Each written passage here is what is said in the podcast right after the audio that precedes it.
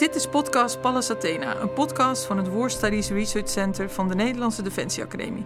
Ik ben Trineke Palm en samen met collega Jurg Nol spreek ik met onderzoekers over hun recente publicaties en belangrijkste onderzoeksresultaten op het gebied van oorlog, conflict, samenwerking en vrede.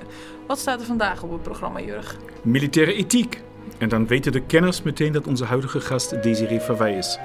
Hoogleraar emeritus Nederlandse Defensieacademie en verbonden aan de Radboud Universiteit Nijmegen als bijzonder hoogleraar normatieve en beleidsmatige dilemma's van multilaterale vredesoperaties, althans ook met emeritaat. Met haar kijken we terug op haar werk en met name de ontwikkeling die het denken over de militaire ethiek de afgelopen 24 jaar heeft doorgemaakt. Welkom Desiree. Dank je. Leuk om hier te zijn. Leuk je hier te hebben. Ja, je was al sinds uh, 1998 werkzaam aan de NLDA, dus uh, toen nog de KMA, dus een lange tijd geleden. Uh, en dat is natuurlijk ook een beetje de, ja, de, de jaren na Srebrenica um, uh, in 1995. Uh, en ook nou ja, eigenlijk nog steeds vandaag de dag uh, drukt deze stempel een, drukt deze gebeurtenis een grote stempel op het Nederlandse militaire optreden en met name ook de politieke besluitvorming. Zou je ons eens mee kunnen nemen naar die beginjaren jaren 90, toen je op de KMA begon met militaire ethiek, hoe dat was? Ja, nou het klopt precies wat je zegt, want um, ik merkte het zelfs al in mijn sollicitatiegesprek. Uh, dus we hebben inderdaad in 1995 was dit val van de enclave. En uh, ja, hebben we wat eigenlijk tot op de dag van vandaag is een, een, een zwarte bladzijde. Wordt ook naar aangerefereerd als een zwarte bladzijde ja, in ja. onze militaire geschiedenis. En in die periode was het zelfs nog een beetje een open wond. Het was heel erg gevoelig. Het was super gevoelig.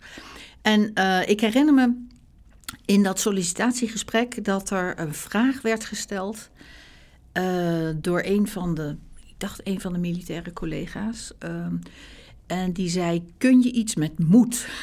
nou, dat, dat uh, was wel te begrijpen tegen de achtergrond van Srebrenica. Die vraag over: Kun je iets met moed? Want dat was precies het probleem. Dat merkte ik ook al heel snel.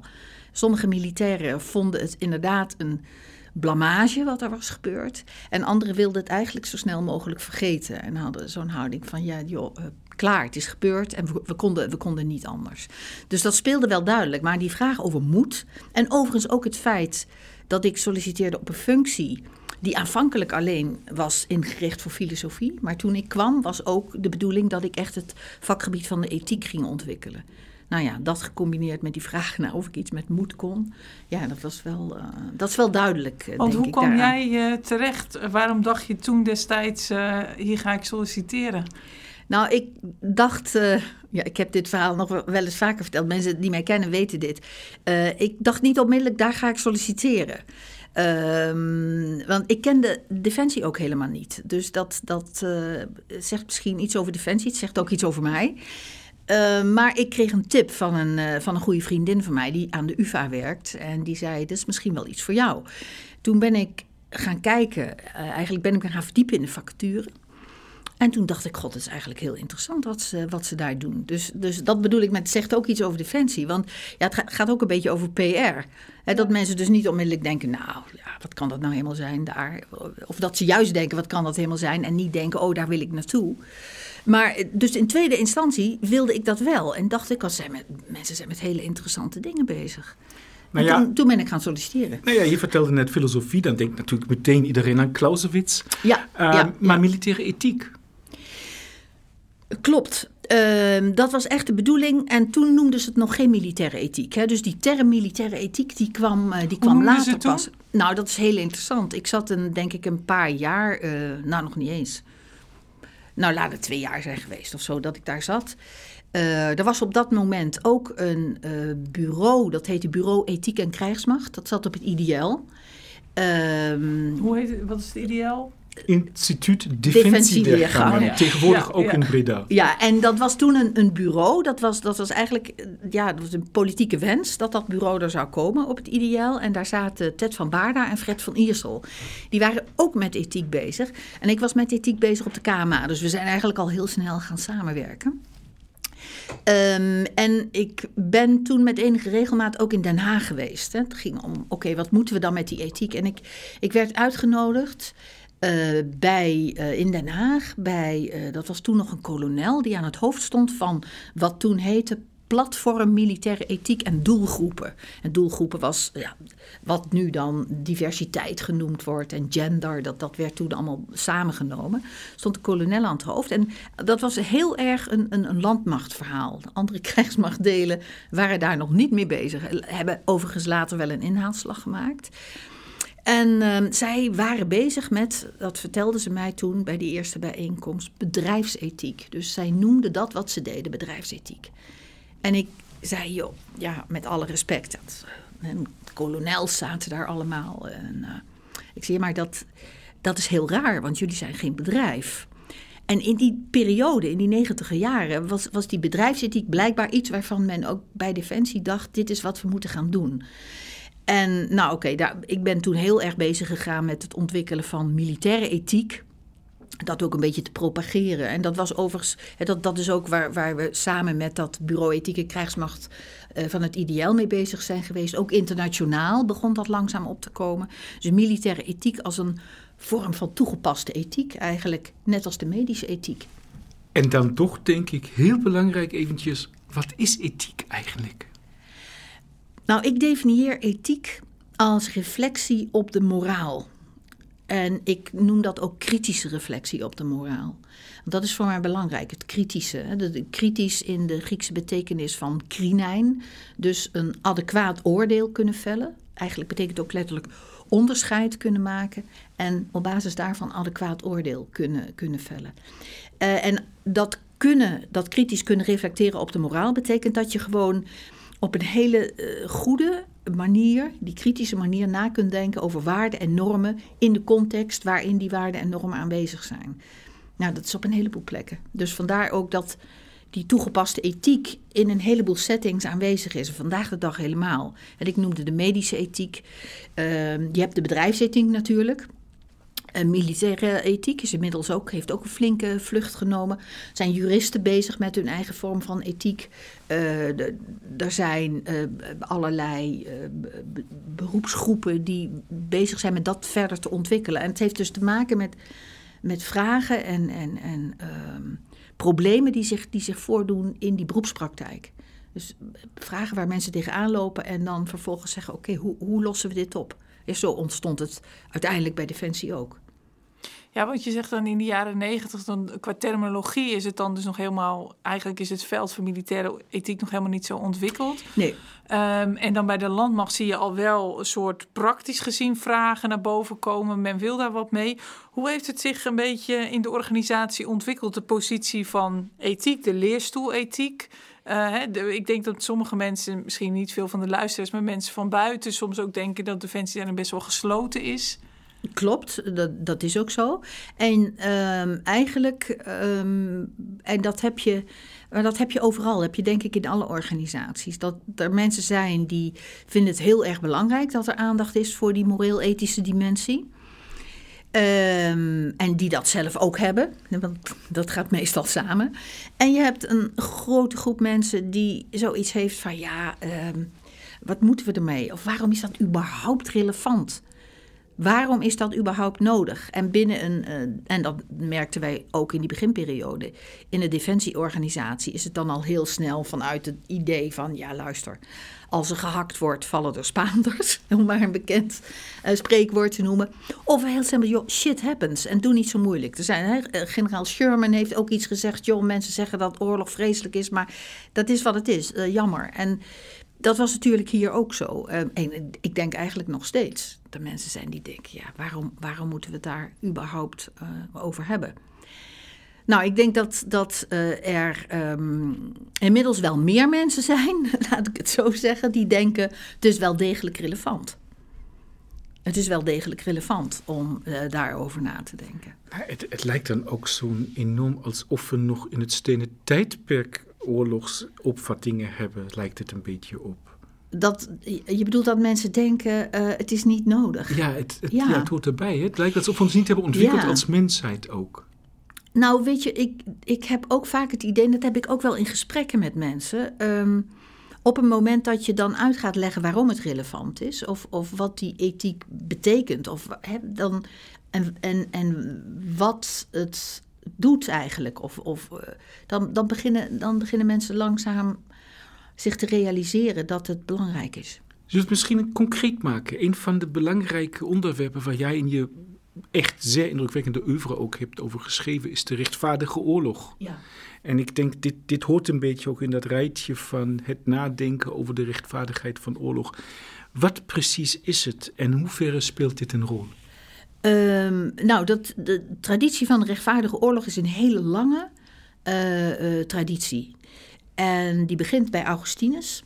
En ik heb, uh, voor mensen die dat interessant vinden, recent heb ik nog een artikel daarover geschreven. Want klopt hoor, wat je zegt, Jurg. Dat heeft, daar ben ik heel veel mee bezig geweest. En um, laatste artikel was volgens mij in 2019. Staat, in het, um, staat trouwens in een, in een filosofisch tijdschrift, ook grappig. Die hebben een, een themanummer gemaakt over de rechtvaardige oorlog. Dat is het Algemeen Nederlands Tijdschrift voor Wijsbegeerte.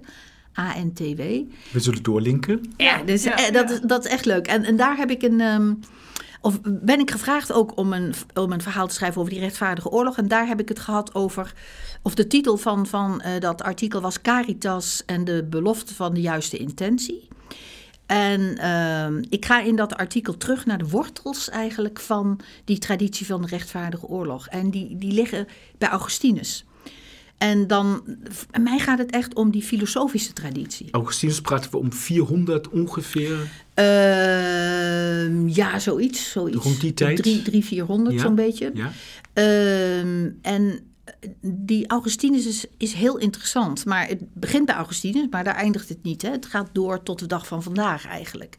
En, uh, dat, en Michael Walzer speelt daar een ontzettende belangrijke uh, rol in. Nou, die kennen we, uh, die kennen we bijna allemaal.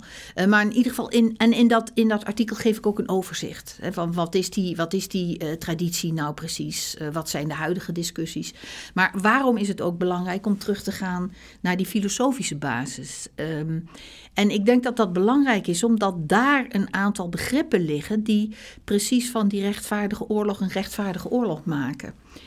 En, um, en dat zit hem, wat mij betreft, in dat begrip van de juiste intentie. Dus die traditie van rechtvaardige oorlog, uh, die, die is eigenlijk uh, bedoeld om, om ervoor te zorgen dat op het moment dat er, Augustinus zegt dat letterlijk, op het moment dat die onrechtvaardigheid zich voordoet, om dan in te grijpen. Om dus de rechtvaardige uh, situatie te herstellen, om vrede en veiligheid te herstellen, zouden we, zouden we nu uh, zeggen. Um, en dan heb je een, een, een setje criteria, de jus ad bellum criteria, dus de reden om ten strijde te trekken. En dat, is, dat moet een rechtvaardige reden zijn. Dus je, je, kan niet gaan, althans je kunt wel oorlog gaan voeren om je gebied uit te breiden of om je oliereserves veilig te stellen of nou, noem nog maar wat, strategisch belang. Maar dat is geen rechtvaardige reden. Rechtvaardige reden is alleen verdediging van je eigen grondgebied uh, of, of, van de verstoring van, van die uh, orde, hè, van, van, van, van die vrede en veiligheid. Dus dat is een rechtvaardige reden. Dan moet dat de juiste intentie zijn. En daar komt dat heel belangrijk punt. Want de juiste intentie is eigenlijk jouw daadwerkelijke wil om daarvoor te strijden. Dus het mag niet zo zijn dat je zegt: ja, luister, wij gaan, uh, we, we, trekken dat land in, hè, we, we, zetten onze troepen daar neer en het gaat ons om mensenrechten schendingen tegen te gaan. Maar feitelijk, alleen dat zeg je natuurlijk niet. Maar feitelijk gaat het je om politiek belang, economisch belang, nou, noem maar op. De juiste intentie moet er dus voor zorgen, maar dat is meteen een heel tricky begrip. Ja, dus ja, hoe meet je het en hoe kom je daar Precies, dat is dus ook de discussie. Ja. Hoe meet je het en, en hoe. Uh, en nou ja, goed, daar, ga, daar gaat dat artikel onder andere over. Want die juiste intentie verwijst dus eigenlijk naar een, een dispositie die mensen hebben. Maar hoe neem je die waar? En die kun je alleen maar na, waarnemen in de effecten van, van handelen. He, dus wat blijkt, he, ben je daadwerkelijk gericht op die mensenrechten schendingen tegengaan? Of blijkt dat je eigenlijk met andere dingen bezig was? Nou, dus op die manier kun je die intentie achteraf bepalen. Maar op het moment dat je dat land binnentrekt, is het dus heel lastig. Tegelijkertijd is dat wel een heel belangrijk begrip. Want zo'n begrip moet ervoor zorgen dat die oorlog rechtvaardig, om rechtvaardige redenen wordt gevoerd. En dat die ook rechtvaardig wordt gevoerd. Dus ook dat militaire op een rechtvaardige manier handelen. En dus om nog even dat verhaal af te maken, de jus ad bellum criteria, juiste reden, juiste intentie, legitieme autoriteit moet een beslissing nemen, er moet sprake zijn van proportionaliteit. Uh, het moet het laatste redmiddel zijn. Dus je moet alles hebben geprobeerd om die oorlog tegen te gaan. En je moet daadwerkelijk op vrede zijn gericht. Nou, mijn, mijn punt is eigenlijk dat die juiste intentie ervoor zorgt dat die andere begrippen ook kloppen. Want anders kun je alles gebruiken als een soort voorwendsel om je eigen belang, je politieke belang, je strategische belang te realiseren. En dat is precies niet de bedoeling, zeg maar, vanuit die oorspronkelijke uh, rechtvaardige, dat, dat principe van die rechtvaardige oorlog, zoals je het vindt bij Augustinus en dan zo door de eeuwen heen. En het, het, het, punt is een beetje dat dat hele principe van juiste intentie naar, naar de achtergrond is verdwenen. Dus die, die wil, die bereidheid, zo'n soort principe wat, wat, wat lastig is, maar tegelijkertijd toch ingebouwd wordt om ervoor te zorgen dat het echt om een humanitair ethos gaat van waaruit mensen handelen. Uh, dat is een beetje verdwenen bij, bij wat wel in de literatuur wordt genoemd uh, de juridificering van de Just War traditie. En dan komen er een heleboel juristen. Dat is een beetje eigenlijk vanaf, vanaf de 17e eeuw ongeveer. Begin met Hugo de Groot. Hè, die, die, die veel meer invloed krijgen op die Just War principes. En dan verdwijnt gewoon dat hele intentieverhaal. Begrijpelijk, want het is heel lastig. Maar tegelijkertijd kun je zeggen het is wel precies die garantie voor een, een, humanitair ethos. Dus daar zou je aan vast moeten houden. Kun je zeggen dat het sinds de val van de muur weer op de agenda kwam, of kwam het al eerder weer op de agenda? Dat juist de intentiebegrip. Ja. Ja, ik denk uh, dus dat, echt dat, dat, dat, dat humanitaire ethos, zeggen we doen dit echt om mensen te helpen, we doen dit echt om mensenrechten schendingen tegen te gaan. Dat hele idee van, van, van vredesoperaties is, is van daaruit ontstaan. Dat is zeker waar. De vraag is dan of dat ook op de goede manier is gebeurd. Ja, want, ja uh, want, want, je hoort ook wel die... Um, uh, ik ben nu even de quote kwijt, maar de, hmm, is, uh, de, wordt het pad wordt gelegd met uh, goede intenties of ja, zo, de pad ah, naar de ja, hel. En dus daar zit natuurlijk is geplaveid met goede intenties. absoluut waar. Ja, absoluut en waar. hoe verhoudt die traditie zich tot dat soort Nou ja, kritieken? dat, ja, weet je, het is een, het is een, het is een heel complex uh, uh, principe, omdat het natuurlijk verwijst naar iets uh, wat, niet waar, wat niet waar te nemen is. He, dus de, tegelijkertijd weten we allemaal wat het verschil is van iemand met goede intenties ja. en iemand met slechte intenties. Maar ik denk met deze quote wordt denk ik juist bedoeld dat de intenties niet in twijfel worden getrokken, maar ja, dat die klopt. juist wel echt slechte consequenties kunnen Absoluut. hebben. Dus dan, dan is Absoluut. het misschien wel noodzakelijk om goede intenties te hebben, maar het is niet een voldoende voorwaarde. Dus, Absoluut. Kan, ja, ja, dus hoe, hoe zou helemaal, die traditie daarmee. Helemaal, dat is zonder omgaan. meer waar. Dus je hebt, dit is nooit voldoende om de juiste intenties te hebben. En ja, daar, daar is ook heel veel over geschreven. Hans Achterhuis heeft daar nog heel goed, uh, heel, heel, heel, mooi over geschreven. En voorkomen terecht. Ik bedoel, uh, je kunt een, een oorlog beginnen met, met de juiste intenties. Ja. Heel goed bedoeld. En vanuit dat humanitaire ethos. Maar dan doe je het op zo'n manier dat uiteindelijk. Uh, uiteindelijk je, je op een, op een uh, hoe zeg je dat? Het, het, de kwaal is, of de, ja. Ja. de kwaal is erger dan, uh, of de genezing nee, is erger dan, dan, de kwaal. Dan de kwaal. Nou, nou dat, dat, dat effect. Ja. Maar en dat zit, als, als je die lijst met die rechtvaardige oorlog criteria hoort, dan zit daar een soort check op? Dat je zegt, ja, dat zit er wel in? Of, of ja, nou, wel... je, zit, je moet een aantal, aantal elementen samennemen. Maar kijk, ik ben de eerste die zegt dat je aan die uh, traditie van de rechtvaardige oorlog ook nog een heleboel moet toevoegen. Hè? Dus ik, ik, bijvoorbeeld iemand als Mary Kelder ja. heeft in uh, uh, een paar hele mooie publicaties over wat zij dan New Wars noemt, hè? nieuwe ja. oorlogen. Uh, heeft ze ook kritiek op, op die rechtvaardige oorlog. En volkomen terecht. En ook wel omdat die heel vaak misbruikt wordt. Yes. En, um, en dat is terecht. He, dus, dus ik zal de laatste zijn die zegt: je moet dit uh, hup en die principes zo. Als een, en je moet ze ook juist niet afwerken als een checklist, ja, want ja, dat ja. werkt niet. Maar het gaat mij om het idee dat er dus door de jaren heen in die traditie ooit een, zeg maar, zo'n soort moreel uh, checkmoment ja, was. Ja, in die, in, ja. Van, hey, heb je wel de juiste intentie? Of doe je net of je het hebt? En dat, nou ja, goed, dat vind ik een interessant uh, punt.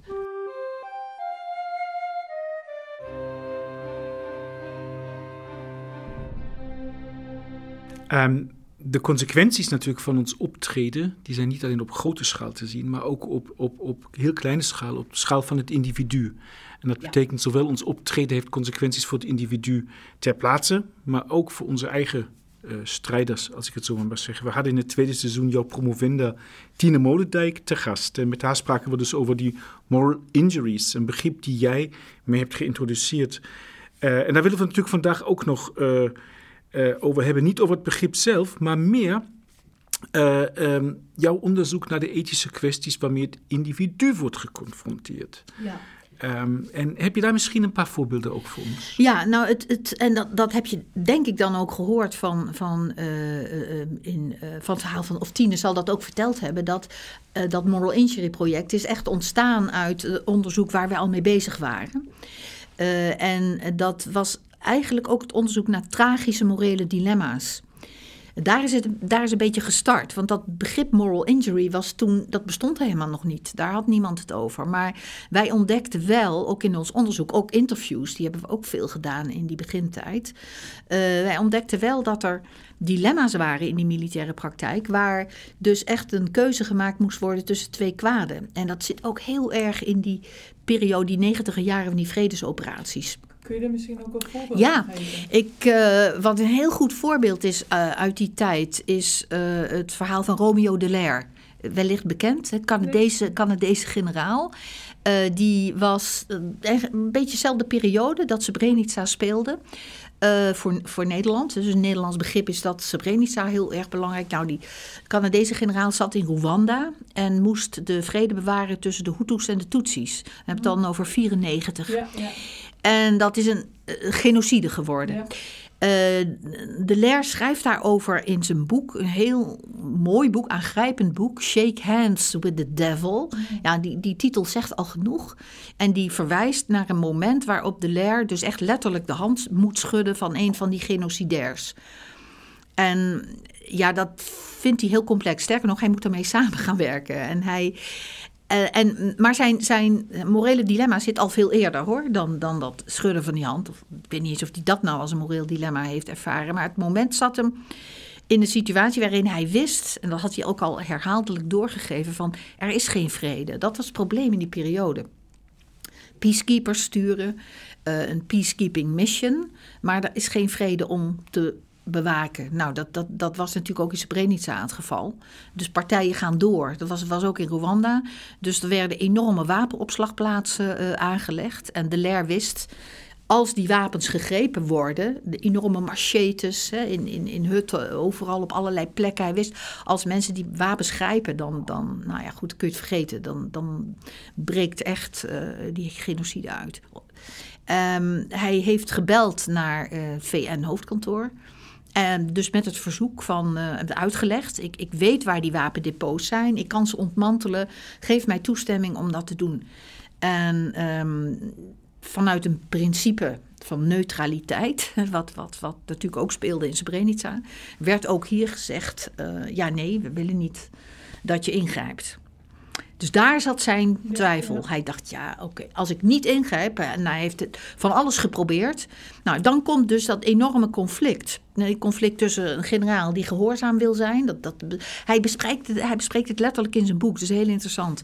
Zijn loyaliteit aan de organisatie, zijn loyaliteit aan de VN, maar aan de andere kant dat humanitaire ethos, je zou ook nog kunnen zeggen, zijn loyaliteit aan het principe van de humaniteit, zijn loyaliteit aan die lokale bevolking, die afgeslacht gaat worden als, het, uh, als de zaak uh, uit de hand gaat lopen. Dus een enorm dilemma waar die, waar die heel. Uh, ja, goed over schrijft, vind ik. Heel helder over schrijft.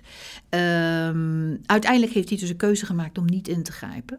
En dat heeft hem persoonlijk heel erg geraakt. En ook dat schrijft hij. Ja, wat, wat doet dit met hem? Wat hij, met hem? hij vertelt dat hij, dat hij daarna, eenmaal terug in, in, in Canada, op een gegeven moment op een park, uh, of in een park op een bank lag, uh, uh, dronken. hij, hij zegt dat hij, ja, eigenlijk wat, wat hij had was, was die moral injury. Um, hij was suicidaal. Hij, hij, noemde, hij was suicidaal. Ja. en he, dat, dat, nou goed, dat zal Tina allemaal verteld hebben. Dat verschil ook met, met andere um, andere typeringen die mensen krijgen in, in zo'nzelfde setting. Maar hij, hij benoemt het zelf als een enorm, uh, enorm psychisch en moreel probleem wat hij, wat, hij, wat hij heeft ervaren. Is dit eigenlijk universeel of is dit voor militairen nog bijzonder?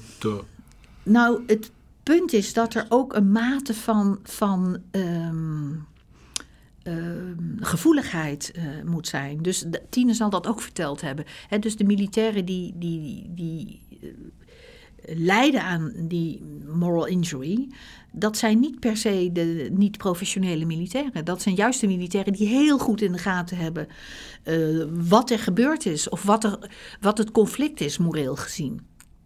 Daarnaast zijn er ook een heleboel mensen die in vergelijkbare situaties uh, een keuze maken en daarna fluitend uh, verder gaan.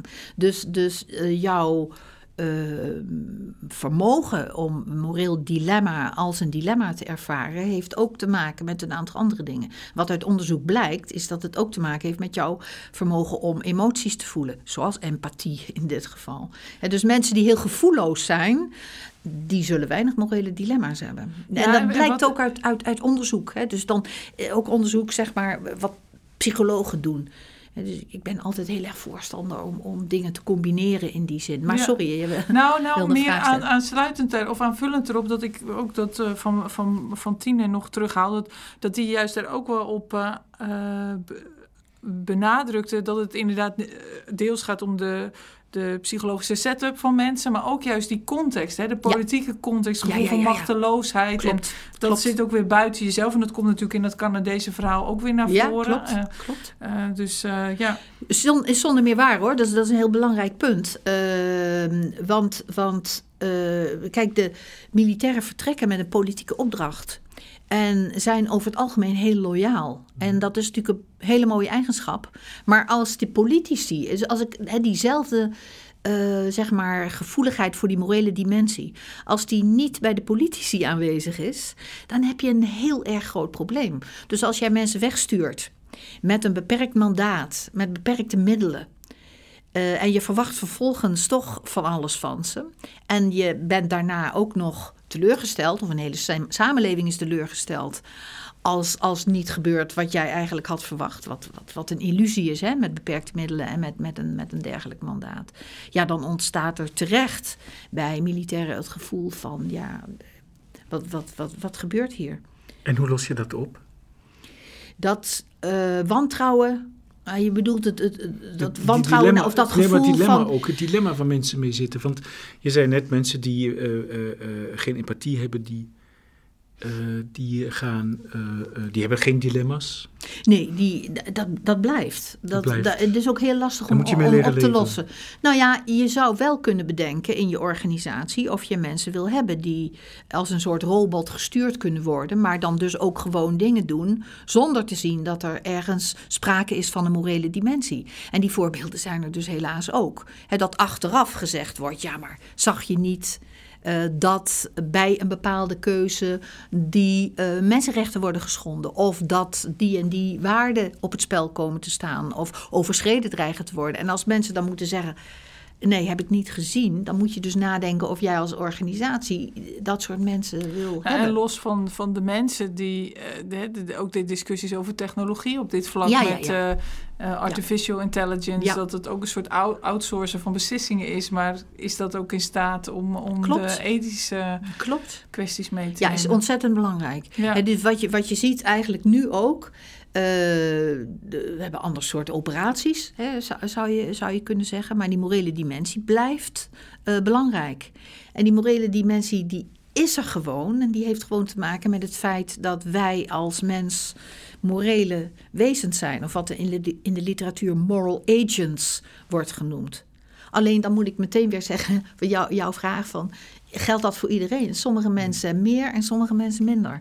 dus dat, dat empathisch vermogen uh, is niet bij iedereen even sterk ontwikkeld. Ja, en dat vind ik dan een hele interessante om het weer even naar dat onderwijs toe te trekken. Want uh, ja, dat is misschien deels zo ben je, maar het is misschien ook deels wat krijg je mee? Wat leer je? Leer je zo te denken en te kijken? Um, nou, je hebt hier natuurlijk ook gewoon heel veel onderwijs gegeven. En hele generaties uh, uh, die uh, ethische vragen in ieder geval gesteld. Ja. Um, En je hebt ook bijgedragen aan een bundel. Wat zijn de effecten van ethiek onderwijs? Kun je er gewoon iets meer over vertellen? Ja, dat is een, uh, wel een leuk onderzoek. Wat we een, uh, dat is alweer een tijd geleden hoor. Volgens mij 2007, als ik het zo uit mijn hoofd zeg. 2018, je hebt het zelfs nog gepubliceerd. Met tien heeft er nog aan meegewerkt. Oh, dat is een andere. Oh, ja, oh nee, dat is een oh, Wat dat zijn is iets de effecten anders. van... Publicaties. Ja, we halen Oh ja, nee, oké. want, want ik heb ook eerder één, maar dat is veel eerder. Heb ik eh, samen met een paar mensen gedaan. En dat, eh, daar hebben we echt een onderzoek gedaan eh, op basis van. Ehm, van een vragenlijst. Dat was een bestaande vragenlijst. Waarbij dus, ehm, ehm, en dat hebben we bij kadetten gedaan eh, in die periode. waarbij ze dus kunnen scoren. En op basis van die scores kun je dus bepalen in, in welke fase van morele ontwikkeling ze zitten. Dat verwijst naar de theorie van Kohlberg. Eh, dat is een, eh, ik geloof echt, het is in ieder geval eerder dan 2018. oké. Ik kan, ik kan het nog even nee, checken. nee, nee, ga door, ga door, ga door. Maar Hartstikke het is ontzettend interessant. Ja, wat was toen? Wat was Eh, toen? nou, wat daaruit kwam was, was geweldig. Is dat al onze kadetten zaten in de hoogste fase van morele ontwikkeling.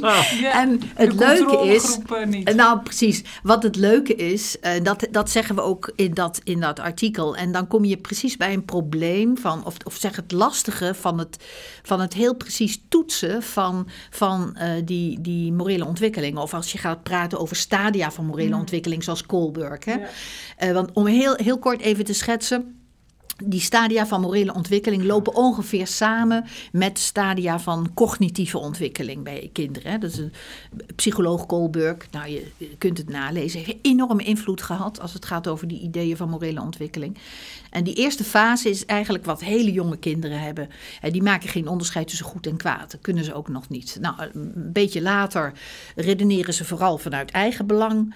En dan de allerlaatste fase, ik ga er nu even snel doorheen, de allerlaatste fase gaat het om te redeneren vanuit principes. En bij, bij Kohlberg gaat het dan om principes als rechtvaardigheid. Dus heel erg, waar we het bij de traditie van de rechtvaardige oorlog over gehad hebben, redeneren vanuit ook eh, het belang van anderen en, en waarde en waardigheid van, van anderen, erkennen eh, daarvan.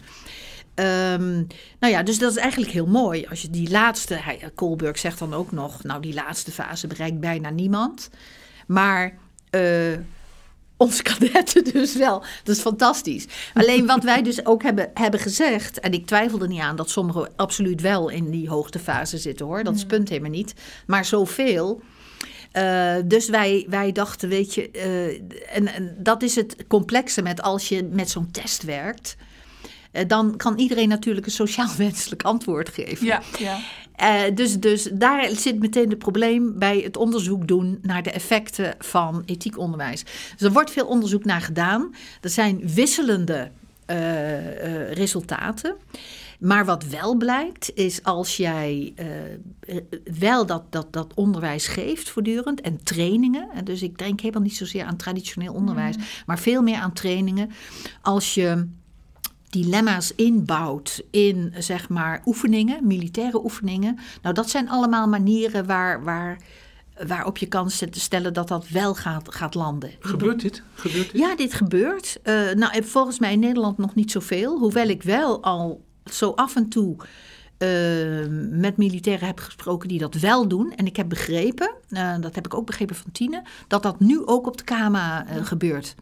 En dat is gewoon eigenlijk de beste manier. Dus je, je, geeft wel dat onderwijs, maar, maar eigenlijk zit dat zit veel meer in trainingen. En eh, ik denk dat dat een eh, hele goede manier is om mensen. Want wat je doet, je, je ontwikkelt een bepaalde gevoeligheid eh, bij mensen voor die, voor die thematiek. En dat kan, dat kan wel degelijk. Maar dat niet, niet in een soort klassikale setting. Dat moet je ook niet op die manier willen.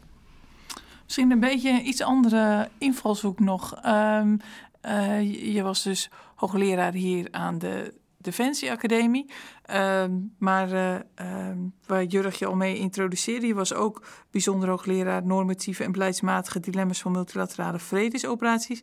Als ik het goed heb begrepen, is, was dat gekoppeld aan Pax Christi. Ja, Eh, wat natuurlijk als eh, een, een organisatie verbonden is aan de vredesbeweging. Dus dat lijken best wel twee uitersten. Dus Ja. dat die jou dan allebei een leerstoel eh, gaven... Ja, of, of ja. jou daarin de geschikte persoon vonden... dat, dat lijkt bijna, nou ja, schizofreen. Ja. Of, eh, ja, ja, dilemma's ja, Kun je ja. daar iets meer over vertellen? Of Ja. dat wel eens botste? Nou, of dat, twee dat, werelden? dat, is, dat is heel leuk dat je dat, eh, heel leuk dat, je dat zegt. Ja, dat, dat, dat lijkt misschien op het eerste gezicht zo. Maar tegelijkertijd zijn er dus organisaties die allebei bezig zijn met vrede en veiligheid. Dat is waar, eh, Pax Christi ook. En ik denk eigenlijk dat ze eh, beide ook van elkaar kunnen leren. Hmm. En ehm, er zijn ook best wel militairen die dat, die dat zien. Eh, en omgekeerd ook hoor. Eh, mensen bij, bij Pax, dat zijn ja, ook mensen die wel zien dat, dat, dat ze iets van die militaire organisatie kunnen, ehm, eh, kunnen, kunnen leren. Ehm, en ik, ik heb regelmatig eh, ook in Nijmegen wel militairen gezien, eh, studenten, hè, ook onze studenten, die bij ehm SICAM, waar ik dan zat, Ja, ook ja. colleges Ja, ik wil volgen. zeggen, ziek. Maar het leukste uit die tijd, eh, misschien een leuke anekdote. Toen ik die leerstoel kreeg bij Pax Christ- Christi, want ik had eerst die leerstoel hier. eh, toen kreeg ik een, ehm, een mailtje van eh, de toenmalige commandant der strijdkrachten, generaal van UM. En die schreef, nou Desiree, dit lijkt me een win-win situatie. Gefeliciteerd. Nou, dat vind ik, eh, dat was een hele leuke reactie. En tekent ook wel een beetje van UM. En Ja, geeft ook precies aan dat er wel degelijk militairen zijn die het belang zien zeker. ook van, eh, van ethiek in, in, hun, in die militaire organisatie. Ja. En van het belang ook van die, eh, van die verbinding. Dus dat vond ik een hele leuke, hele Ja. leuke reactie. Ja, ja, Ja. zeker. En en dan over het onderwerp, de vredesoperaties.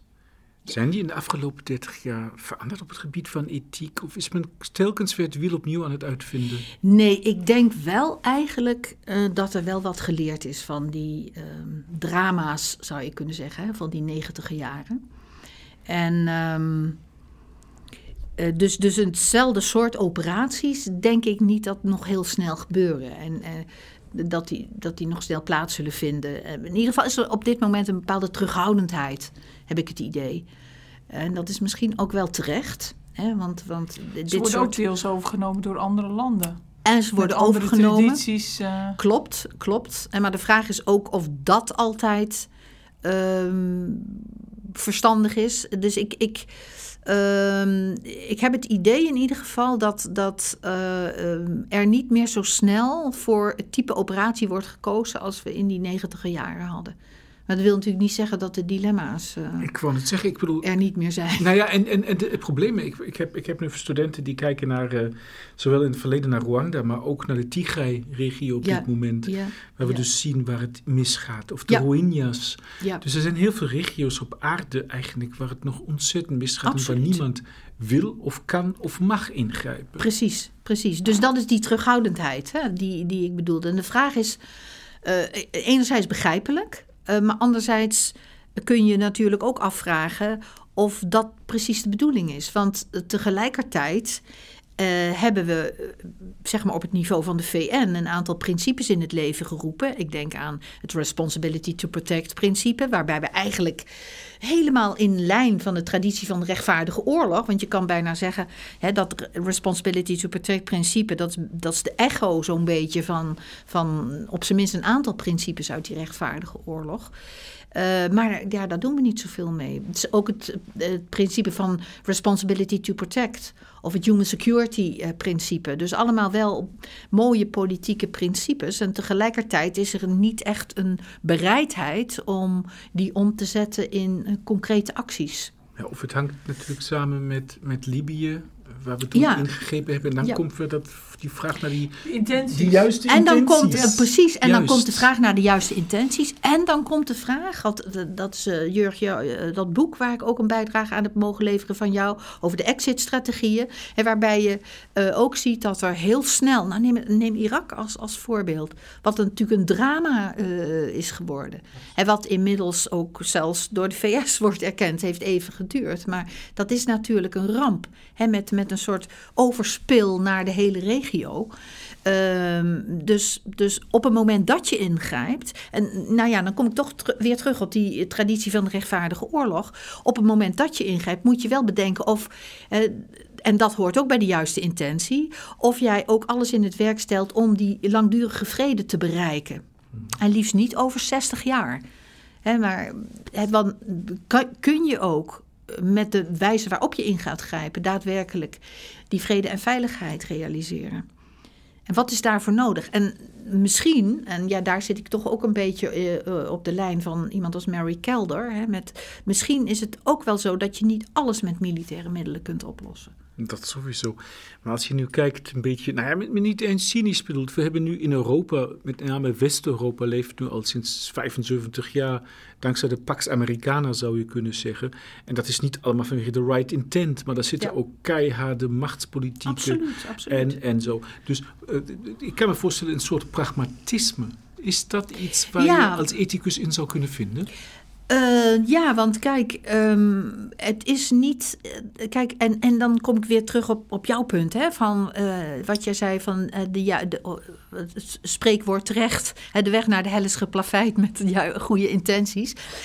Je kunt als een soort dolle eh, de intentie hebben om iets te gaan realiseren. Maar als je niet goed nadenkt over wat je gaat doen en in welke setting en wat de consequenties zijn enzovoort enzovoort, dan, dan, dan, dan wordt het gewoon een puinhoop. Dus eh daar komt meer bij kijken. Er komt ook bij kijken. Op zijn minst op de eerste plaats moet je die juiste wil hebben om dingen te realiseren. Maar dat er een mate ook van eigen belang is, dat, dat valt niet helemaal uit te sluiten. Dat, je springt niet in het water om iemand te redden als je zelf niet kunt zwemmen. Dus eh, het is evident, denk ik, dat ook andere belangen een rol speelt. Alleen die zouden niet de boventoon moeten, moeten voeren. Het zou dus wel degelijk in eerste instantie moeten gaan om die lokale bevolking daar en om daar vrede en veiligheid te herstellen. En dat daar andere belangen in meegaan. Dat is een beetje jouw pragmatisme. Ja, dat, dat, dat is denk ik niet echt een probleem. Maar als het uitsluitend gaat om eigen belang, dan heb je wel een probleem. Is dit ook iets dat je graag wil meegeven aan de, ik zeg maar, politiek en de militairen? Of nou ja, ik, nog meer? Nou, ik zou, wat ik vooral mee zou willen geven, is toch eh, die noodzaak eh, van het kritisch leren denken. En dus dus eh, in die zin ben ik een. Ja, Hannah Arendt is een van mijn grote. na- naast Nietzsche.